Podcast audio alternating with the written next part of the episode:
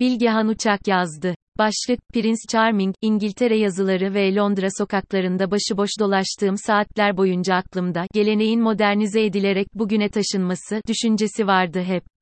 Mesela, arada bir soluklanmak için girdiğim veya şimdi bu yazıyı yazdığım pub'ın en büyük ortak özelliği, hepsinin müşterilerine içkiyle birlikte bir tarih satması. Salisbury diye bir yerde oturuyorum şu an, menüde, tarihçemiz, diye iki paragraflık açıklama ihmal edilmemiş.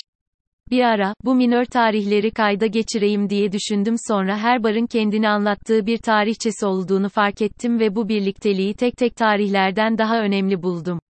Burada hem eski usul, peylale, bira içerek yazı yazıyorum hem de mekanın bana verdiği hissiyatı düşünüyorum. Sadece 1-2-5-10 yerle sınırlı değil, hemen her yerde bu, bir ayaklarının mazide olduğu intibağını, sana geçiriyorlar. O ürünü, sonradan görme şıkır şıkırlığında bir yerde satmak yerine sana kültür içinde harmanlayıp satıyorlar. Böylece, bira içerken gözünün önüne Oscar Wilde'ın da burada oturup birasını yuvarladığı geliyor, Liz Taylor'la Richard Burton da burada, derken bira ile birlikte bir kültürün devamlılığını da satın aldığını hissediyorsun. Uzun yürüyüşüme Salisbury'de yazı yazmak için mola vermeden önce Charing Cross'taki sahaflara uğradım. Herman Göring'in biyografisini 2 pound'a alırken içimden, Charing Cross sahaflarından alışveriş yaptın, düşüncesi geçiyordu çünkü bu sahaflardan alışveriş yapmak da bir gelenek ve sen onu bozmadan, yozlaştırmadan, bugüne taşıyorsun. Son kertede, İngiltere bence işte bu, geleneği yozlaştırmadan bugüne taşımak, kraliçenin durumu farklı mı sanki? Charing Cross dedim, buradan devam edeyim.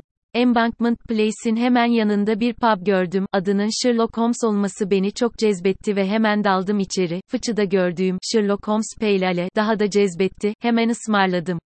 İki katlı bu pub'ın üst katında halka açık objeler sergileniyor. Bay Holmes'in üst katta bir de özel odası var. Hikayelerin birinde Sherlock Holmes ile Dr. Watson buradaki otele geliyormuş çünkü. Dünyada Sherlock Holmes Vakfı'nın izin verdiği 3 tane böyle oda varmış, diğer ikisi Avrupa'daymış ve özel koleksiyonmuş, onlardan biri ise Arthur Conan Doyle'un büyük torununa aitmiş, bu, büyükler birden çoktur. Peki, yaşamayan bir insana dair bunca obje neden sergilenir, odalar neden kurulur? Bunun cevabını 2-3 durak ötede arayalım ve Baker Street 221 numaraya gidelim. Böylece Sherlock Holmes'un bugün müze olarak ziyaretçi akınına uğrayan evine geldik. Bir adam düşünün, aşağı yukarı 150 senedir her yaştan, her kültürden insanın ilgisini çekiyor, onların hayatlarına giriyor, birlikte çeşitli maceralara atılıyorlar. Ama bu adama yaşamıyor diyoruz. Yaşayan kim? Biziz, işte siz, ben. Kapımızı çalan yok. Hangimiz daha gerçeğiz acaba? Bir de, gerçek bizi, ne kadar insanlara gösterdiğimiz var ki o konuya burada girmek istemiyorum hiç. O evi oraya koyarak sadece geçmişe sahip çıkmış olmuyor, onu bugüne taşıyor, yaşamasına olanak sağlıyorlar. Baker Street'teki evden çıkarken kloş şapka veya pipo olmasa da bir küçük şişe, sihir mavisi, cin aldım. Mahcubiyetten sona saklıyorum ama anlatmadan geçemeyeceğim. Gene Charing Cross cihetlerinde gezerken karşıma bir terzi dükkanı çıktı, Ede ve Ravenscroft, aslında bu tür giyim kuşam işlerine kafam pek basmaz ama vitrini görünce girmek istedim. Her şey çok şık, markasız, ama vitrinin bir bölümünde de perukalar var, zaten esasen onları görünce içeri girmeye karar verdim. Ben bu perukaları bir tek filmlerde gördüydüm.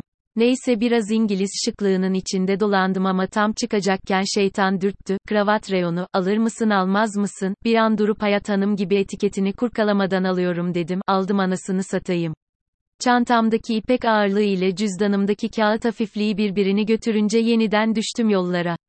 Sonra baktım, bu Ede ve Ravenscroft, şehrin ilk terzi dükkanıymış, 1689'da kurulduklarında daha Londra yok ortada Aldwych diyorlar, meslekte 300 yılı devirmişler, tam 12 taç giyme töreninde kraliyete kıyafet dikmişler. 13. dikmelerine de Allah uzun ömür versin tabii, Elizabeth izin vermiyor olsa gerek. Yolda yürürken kendime o kravata ihtiyacım olduğuna ikna etmeye çalışıyordum. Derken, vazgeçtim bütün ikna çabasından. Bu canına yandığımın kravatına dünyada herkesten çok benim ihtiyacım var anasını satayım, dedim, dedim de rahatladım. Bir gün emri hak vuku bulursa, kravatımı takıp Harry ile mekanın arasına karışabilirim sanıyorum.